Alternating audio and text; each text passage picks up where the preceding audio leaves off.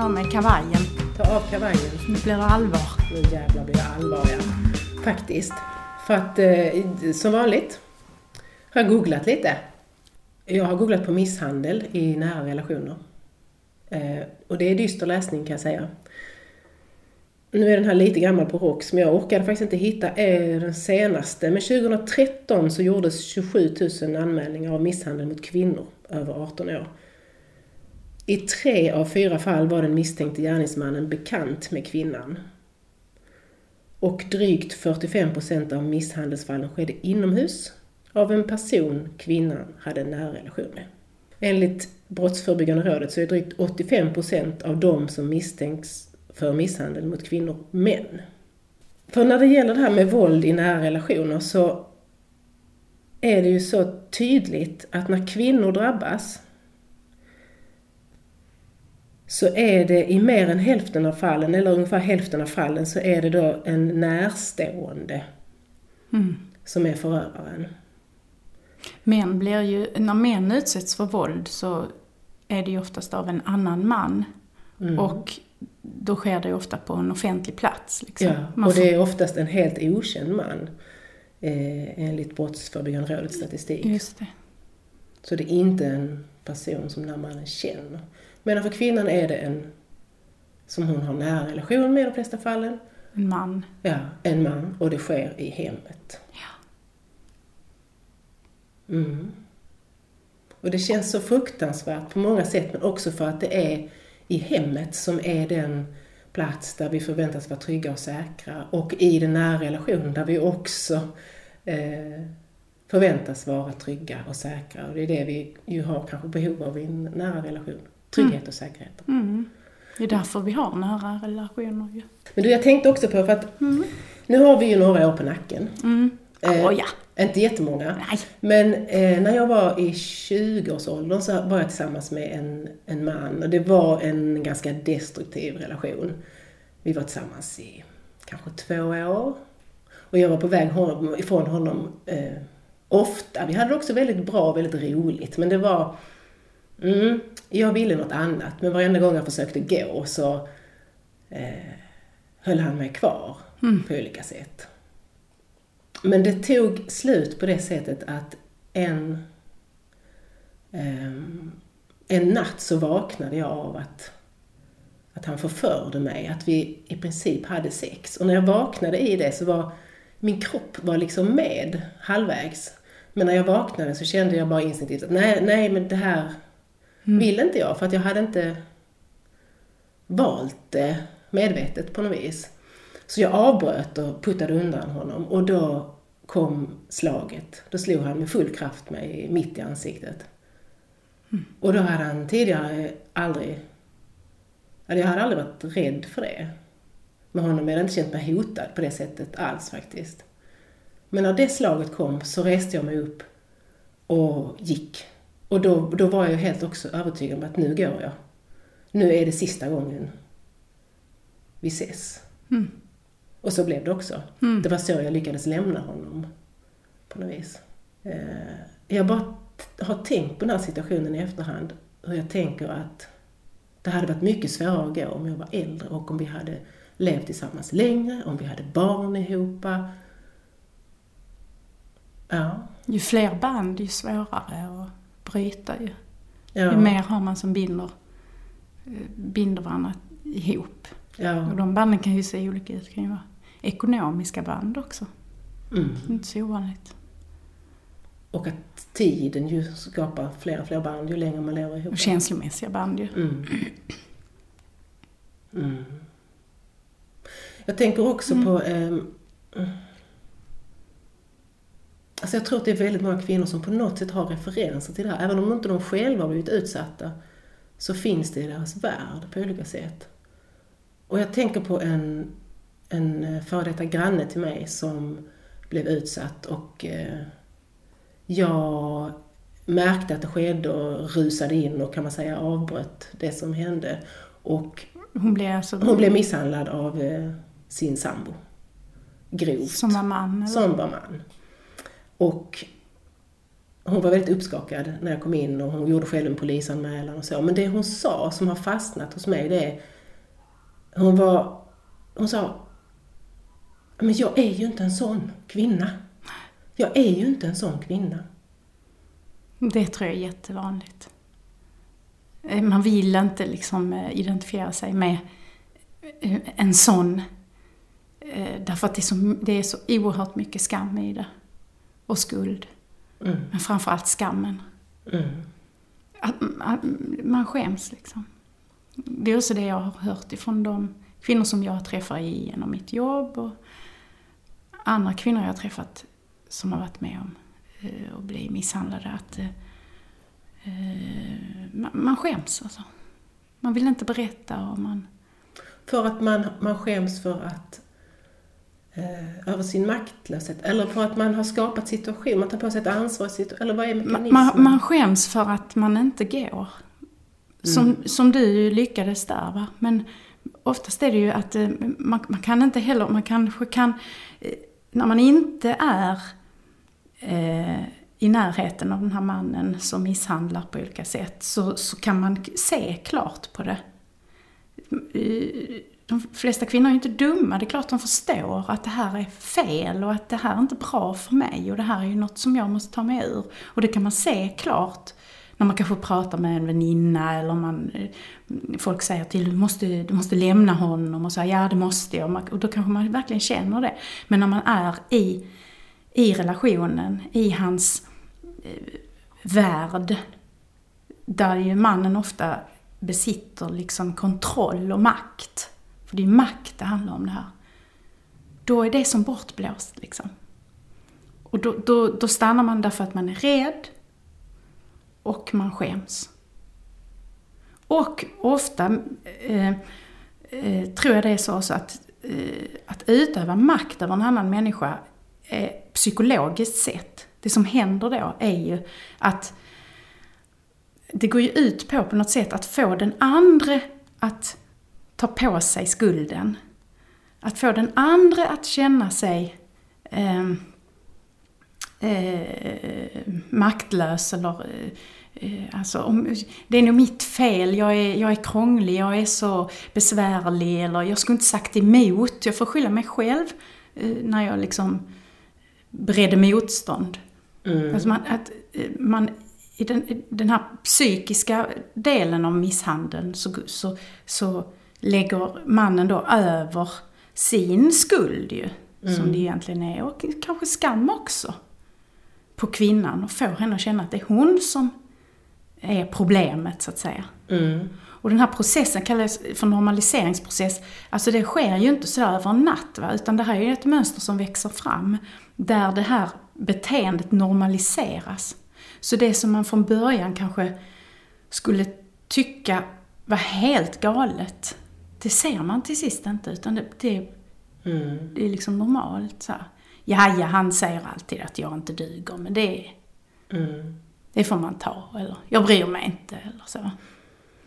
Men är det också, när du säger tänker, är det också ett sätt att eh, som kvinna uppleva att man har någon slags, i och för sig, men ändå falsk kontroll. För är det mitt fel så är det ändå jag som har jag är mm. inte maktlös på något vis. Även om jag reellt sett är det så upplever jag kanske att jag ändå Eftersom jag skapar så att säga misshandeln mm. Mm. i den här sjuka relationen. Absolut. Liksom. Och att det är som en... Det är som en eh, dans, liksom. Det är som en sjuk dans ett mönster, ett, eh, ett, ett, ett destruktivt beteende som man båda är del i. Liksom. Mm. Men där det finns ett maktperspektiv som, som ju alltid går ut på att den som misshandlar, alltså mannen ju, som det ju oftast är, eh, utövar makt liksom. Mm. Över den andra. Mm. Och, det, alltså, och det ska ju säga att det, som psykolog och psykoterapeut så får man i princip ingen utbildning när det gäller det här. Och ändå sitter, tror jag, jag kan inte vara den enda eh, psykologen som sitter och möter kvinnor i min arbetsvardag varje vecka som har upplevt våld av en man i nära relation, eller som upplever våld i en nära relation en man. Men vi får inte någon direkt utbildning i det, utan det, det, jag, det, det jag kan så att säga om detta, eller det, jag, det har jag ju lärt av mina, av mina patienter och av ja, kunskap som jag har liksom läst mig till själv. Och det, tänker jag, är katastrof. Ja, det är det ju verkligen. För de här siffrorna som du läste upp, mm. de är ju, det, ja, det är siffror, det är ju de som anmäler. De allra flesta anmäler ju aldrig ens. Så mörkertalet är jättestort. Ja. Det står det kanske. Ja, det räknade, i, på ROKs sida så säger de att de tror att det är bara ungefär en femtedel av fallen som anmäls till polisen. Mm. Så då är det ju ett enormt... Så det är inte så konstigt att... Stort antal. Mm. Men vad lär ni er då, tänker jag? Men du säger, för att mm, det, det finns, måste ju finnas en väldig massa psykologer som ju kommer i kontakt med kvinnor som har blivit misshandlade. Mm, ja, ja. Men hur, hur använder liksom, vad använder man för verktyg då? Ja. Nej men alltså man försöker väl på olika sätt, kan, kan jag föreställa mig, att stötta den här kvinnan och stärka henne i, i hennes eh, eh, självkänsla och, och, och, och, bedriver kanske liksom kristerapi då. Och det är ju alltså, det är inget fel i det, absolut inte. Men, men jag tänker att, att ha kunskap om, om maktperspektivet i det och att kunna lyfta det till ett, ett, eh, ett mer strukturellt fenomen kan ju också vara en hjälp, kan ju vara en ytterligare hjälp för att lyfta skuld och skam ifrån kvinnor. Så, så i själva terapisituationen, att på något sätt också lyfta det till ja. den nivån? Ja. Mm. Och att uttrycka, att, att medvetet uttrycka de orden. Alltså detta är misshandel, detta är en kriminell handling, du har rätt att polisanmäla. Det här finns i, i vårt samhälle på andra sätt. Mäns makt över kvinnor är, visar sig, det finns andra som är med om samma sak eller som upplever det, det här förtrycket på andra sätt. Alltså sånt kan ju vara... Eh, min erfarenhet är att det är ofta väldigt stärkande. Mm. För att man ofta kanske som kvinna, när man har blivit utsatt för eh, misshandel, psykisk eller fysisk, ju känner sig väldigt ensam. Och just det där att det är fel på mig liksom. Mm. Och skammen gör att man inte delar den erfarenheten i första taget så att säga. Precis. Mm. För vad är, jag tänker återigen på det som min före detta granne sa, jag är ju inte en sån. Mm, det har jag också hört, ja. Vad är det för bild vi har av vem som drabbas av misshandel? För vi vet att det mm. drabbar över klassgränser, mm. det drabbar över ja, alla gränser vi har i vårt samhälle. Men, men titta hur det ser ut på film till exempel. Det är ju alltid en svag, eh, förtryckt, eh, blek kvinna som sitter liksom eh, helt krossad liksom. Men min erfarenhet från de som jag har mött genom mitt yrke och, och så är ju det är inte, det är inte, kan se helt olika ut. Och det är ofta väldigt starka kvinnor. För att de står ut med det här helt enkelt. Mm. Och de bjuder kanske då motståndet de bjuder kanske som, motstånd. Mm. som de rättmätigen bör göra men som ja. då får de konsekvenserna. Men som de blir straffade för liksom. Mm.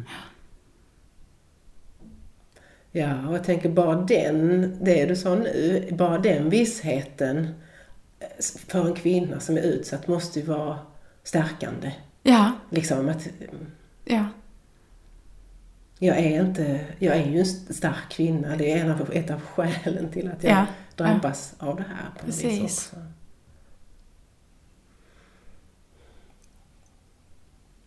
Alltså det är svårt, för mm. det, det jag direkt tänker så, men finns det ändå inte mm. en viss kvinnotyp som blir... För att ja, man gärna skulle vilja vara skyddad själv. Mm. Man tänker, men jag det händer är inte mig. Nej, och sen så mm. har jag ju då, kan jag tänka, ja men jag har ju själv blivit utsatt för det här. Mm. Mm.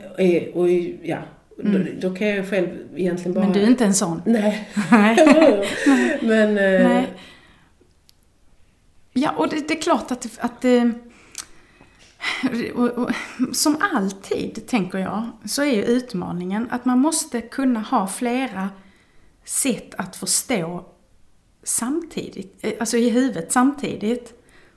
Att förstå det utifrån ett strukturellt maktperspektiv. Kanske ett feministiskt då. Mm, där män har mer makt över kvinnor generellt i vårt samhälle. Precis. Ända ner till, ja, hur hade jag det när jag var liten? Hur, hur såg min relation till min pappa ut till exempel? Eller till min mamma?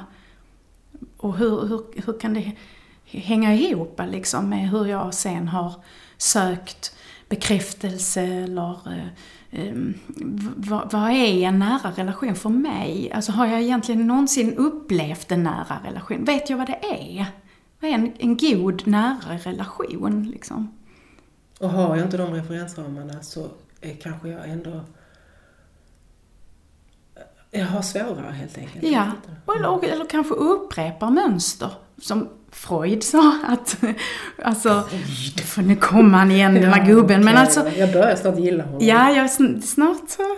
Alltså, eh, det vill säga att du försöker lösa ett, ett olöst eh, dilemma från barndomen genom att göra om samma sak. Upprep, ett upprepningstvång. Va? Mm. Så att har du eh, blivit eh, illa behandlad när du var liten så, så, så, av din pappa då kanske och så, så, då, då träffar du en liknande man. Som du ska försöka läka Och då ska du läka, precis, mm. för att läka barndomens sår. Ah, mm. Så försöker du då läka den här mannen och så, mm. så, så, Fast det kan man ju inte utan man går in i precis samma mönster igen. Så. Det finns ju jättemånga sådana psykologiska förklaringsmodeller. Eller, absolut finns det det. Mm. Men, men det är så himla viktigt att ha det där andra perspektivet också, tänker jag. Mm. Därför att annars är det lätt att det blir eh, att man förstärker kvinnans eh, upplevelse av att det är fel på henne. Ja, det är för att jag... Inte ja. klarade av att hantera, i vuxen ålder klarar nu inte av att hantera eh, min, min dåliga relation till min pappa när jag var liten. Eller vad ja, det, ja. ja. det är mig som det är fel på. Mm. Och det är ju det sista eh, en misshandlad kvinna behöver. Verkligen. Mm. Det kan jag känna igen jättetydligt med den här mm. mannen när jag var 20. Ja. För han drack ju också väldigt, för mycket, precis Mm. som min pappa gjorde. Min pappa var alkoholist. Och Mm.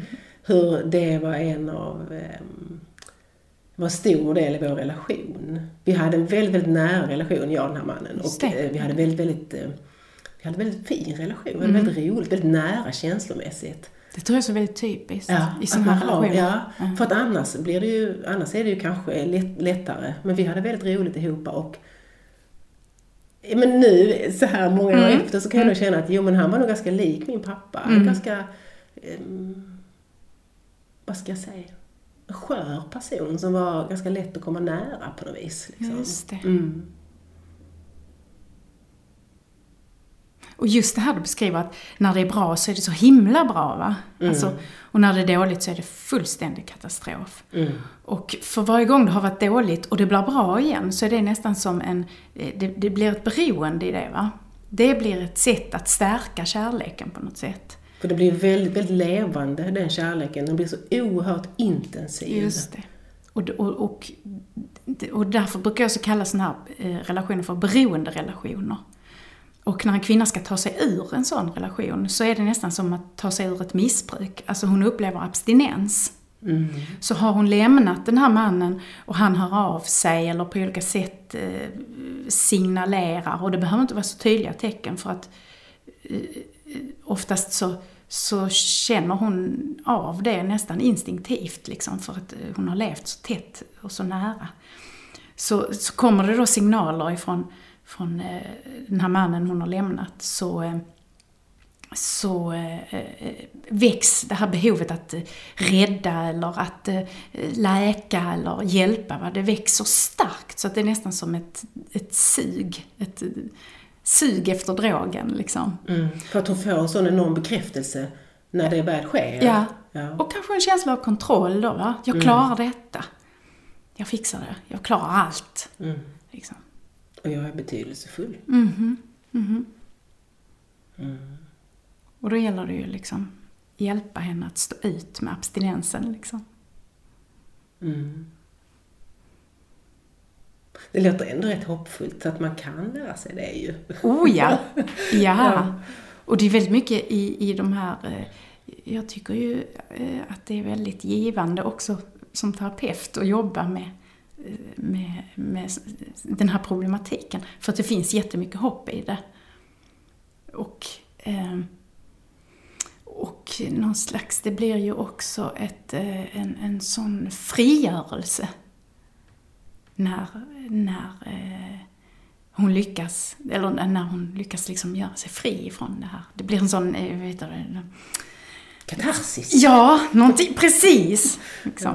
Hela världen öppnar sig ju, Ja, kanske. eftersom en sån relation ju med en misshandlad man bygger så mycket på kontroll. Mm. Och den försvinner ju då, kontrollen över henne. Och, och den kontrollen kan ju sätta sig så... Eh, alltså, eh, det är ju nästan så att hans, hans världsbild, hans sätt att se på världen, eh, det, det, det blir hennes, hennes bild. På vilket sätt konkret? Ja, det kan man, det kan man se, kan höra i... eh, Alltså, kvinnor som kan beskriva att eh, nej men det är inte lönt att polisanmäla för det gör det bara värre. Eh, då, då, då kommer han göra det och detta och det och det, bla bla bla bla. Ja, men hur vet du det? Ja, men det har han sagt. Mm. Ja, men hur vet vi, hur kan vi, kan vi lita på det då? Varför säga, vad är hans syfte att säga det? Eh, För det kanske är ett sätt att kontrollera henne, att skrämma slag på henne ju. Det är ett väldigt eh, tungt ämne. Mm. Och det jag känner också är väldigt tungt, men det är just eh, som vi pratade om i början, att det, det här det sker i hemmet, Mm. Sker i en nära relation, eh, där vi förväntas vara som mest trygga. Så. Och eh, jag, jag tänkte på det här med hemmet och så tänkte jag på, eh, jag vet inte riktigt hur jag kom in på det, men alltid när man kommer hem så luktar det hemma. Alltså alla ställen jag bott på luktar lite olika. Jag tycker om lukten i den här lägenheten. Eh, och så, så tänker jag, det- finns ju många som försöker liksom dölja lukten, man kan ställa ättika i hörnen och sånt för då suger den liksom upp alla förfärliga dofter som finns. Svett kanske, och människa och sånt. Och sen kan man ha doftljus och grejer. Och så, man kan liksom maskera eh, doft, liksom med saker med doft. Och man kan ju också framkalla jättemycket känslor eh, hos Oh, människor ja. med doft ju. Det är, Det är ett, är, jätte, eh, ett av våra starkaste sinnen, är ju doftsinne, doft. Eh, Och det är så här amodal perception. Åh, Ja, vilket fint kom det ett finord. Amodal perception. Mm, det vill säga ett doftminne kan få mig, eller en doft kan få mig att eh, eh, minnas någonting. Ja, men du, dofter, Mm, då känner jag så här. För det, jag hittade, så tänkte jag måste kolla upp det här med dofter. Det finns ju massa dofter. Men så kom, hamnade jag på sån här Wunderbaum-sida. Alltså de här granarna man hänger i bilen. Ja, Eh, jag måste kolla vad Bosse har för liksom, ingångar till detta. ja. Han kan säkert jättemycket, eller han kommer ju berätta någonting nu om jag ringer honom, tror jag.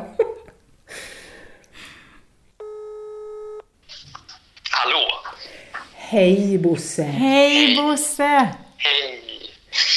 Du, vi har pratat hemska saker idag. Usch då. Ja, vi har pratat... Hemska men nödvändiga kanske. Absolut. Vi har pratat om um, våld i nära relationer, kvinnomisshandel. Mm. Vi är lite tunga, men vet du vad? Alltså det är ju ofta så här, det är förfärligt, men det är i hemmet det sker. Ja, det är det. Det är skådeplatsen. Det är det. Jag tänker på hemmet och hemmet ska ju vara en trygg plats. Och så tänker jag så här, mitt hem, det doftar på ett visst sätt när jag kommer hem. Det liksom doftar mitt hem. Eh, och, och det gör mig lugn och glad, här bor jag. Och sen tänkte jag på bilen också, hur eh, man kan köpa fortfarande sådana här små eh, Wunderbaum-granar. Ja, ja, just Ja. det. Och då, då var jag tvungen att kolla upp Wunderbaums grans eh, utbudet. Eh, och då hittade jag, alltså det har man ju inte i hemmet, det vore väldigt konstigt om man hade en sån gran hemma. Det så lite, lite sjukt på något vis. Lite speciellt. Ja, Ja. Nej, det, där går man över gränsen för. Det är verkligen... Nej.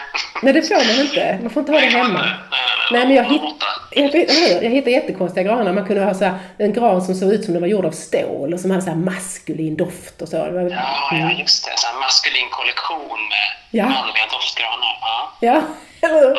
Det passar kanske väldigt bra med bilen, men det hade varit fruktansvärt om man hade det i hemmet. Men, du vet, jag, jag tänker vissa dofter som då, eh, liksom det här maskulina, eller man skulle inte kunna ha en sån doftgran i bilen som doftade så här vanilj eller sånt. Det hade blivit väldigt konstigt. Nej, eller kokos, det skulle aldrig gå. Kokos, ja. Lavendel. Nej, det är för snällt. Alltså, jag, jo, men jag tror... Det, det, alltså Wunderbaum kanske där försöker bredda sitt sortiment för dofter överlag. Alltså speciellt positiva dofter är väl någonting som, om vi verkligen ska klassa ner ut i normträsket här. Ja, det ska vi. det Ja, ut. Klass, klass. Plus. Eh, nej, men då tänker jag att det är ju väldigt feminint. Eller hur? Att, att man ska doftsätta och sådär. Då, då, ska det, då är det väldigt snälla saker. Det ska dofta blommor och nybakt och parfymer. Hela den industrin är ju verkligen... Alltså den är från början väldigt kvinnligt kodad. Eller ja, inte från början kanske, men det, det finns ju en sån dominans där att, att man får inte vara... Nej, det har du rätt i. Dofter, dofter generellt, om vi nu ska liksom syssla med konstgjorda dofter, så är de övervägande kvinnliga. Det har du rätt i. Mm. Ja. Och jag, tänkte, jag tänkte på det faktiskt idag när jag gick förbi, för jag, jag jobbar ju ibland i ett köpcentrum. Och på vägen dit, där jag jobbar i det här köpcentrumet, så går jag förbi en, en parfym, eller parfym och sminkaffär kan man väl säga, men de har ganska stor tonvikt just på dofter. Och jag tittade in där idag och så, så såg jag just att uppdelningen där, den är nästan ännu skarpare än i leksaksaffärer. Mm. Ja, för bara för att få in då ett manligt klientel i den här doftaffären så måste man dra på som 17 med just manligt. Ja, nu, nu, alltså allt jag säger nu manligt och kvinnligt och allt det där, det är inom feta citationstecken. Så vi, Vi förstår. Vi förstår. Vi garderar oss Ja, och förstår. Mm. Det är bra. Ja, men att det är då är liksom så här, det är blixtar och det är svart och blått och ja, men, ja, men som du var inne på, det där stål, att det är lite stålaktigt. Mm. Det finns ju ja, men olika eh, deodorantbolag och liknande som deodorantbolag kanske inte heter, men i alla fall som, som, som kränger sådana grejer. Och det, det, det måste ju verkligen se ut på ett särskilt sätt med väldigt skarpa, aggressiva typsnitt så att man förstår att det här kan jag köpa när jag är man. Och, så, och jag är fortfarande en man när jag köper detta och jag blir ännu mer man. Mm. Eh, för att jag, jag har faktiskt själv ägt sådana deodoranter och, man, och då, har jag, då, får, då finns det det är liksom en kvinnlig silhuett någonstans där och då är det liksom en kvinnlig objektifierad silhuett. Som att det här kommer jag få. På, på själva förpackningen? Precis. Spraya det här i armhålan så kommer den här kvinnan till dig och blir en liten accessoar. Nej, jag vet inte. Men, men just det här att det här är en förstärkning av din manlighet snarare än ett försvagande då, gissar jag. Mm. Mm. Men det är lustigt det där framförallt. Just att det är så... Det är ändå en debatt som pågår det här med att, att barn, att leksaker ska kodas så in i bomben och att det kanske är gränser som ja, men håller på att suddas ut i alla fall i någon mån. Och, det, och, tro. och Mm. hemmet är ju då kvinnligt kodat och ska dofta vanilj och doftljus och kanelbullar och grejer. Mm. Men du, tusen tack som vanligt. Tack själv som vanligt. Ehm, vi hörs igen. Det hoppas jag innerligt att du gör. Ja. ja. Ha det bäst. ja. Ni med. Puss och kram. Säg hej. Hej då, hej. Ja, vad skönt att vi fick sluta lite i dur. Yes! Eller hur? I dur. I dur. Ja. Vi, vi återkommer. Absolut. Mm. Hej då. Hej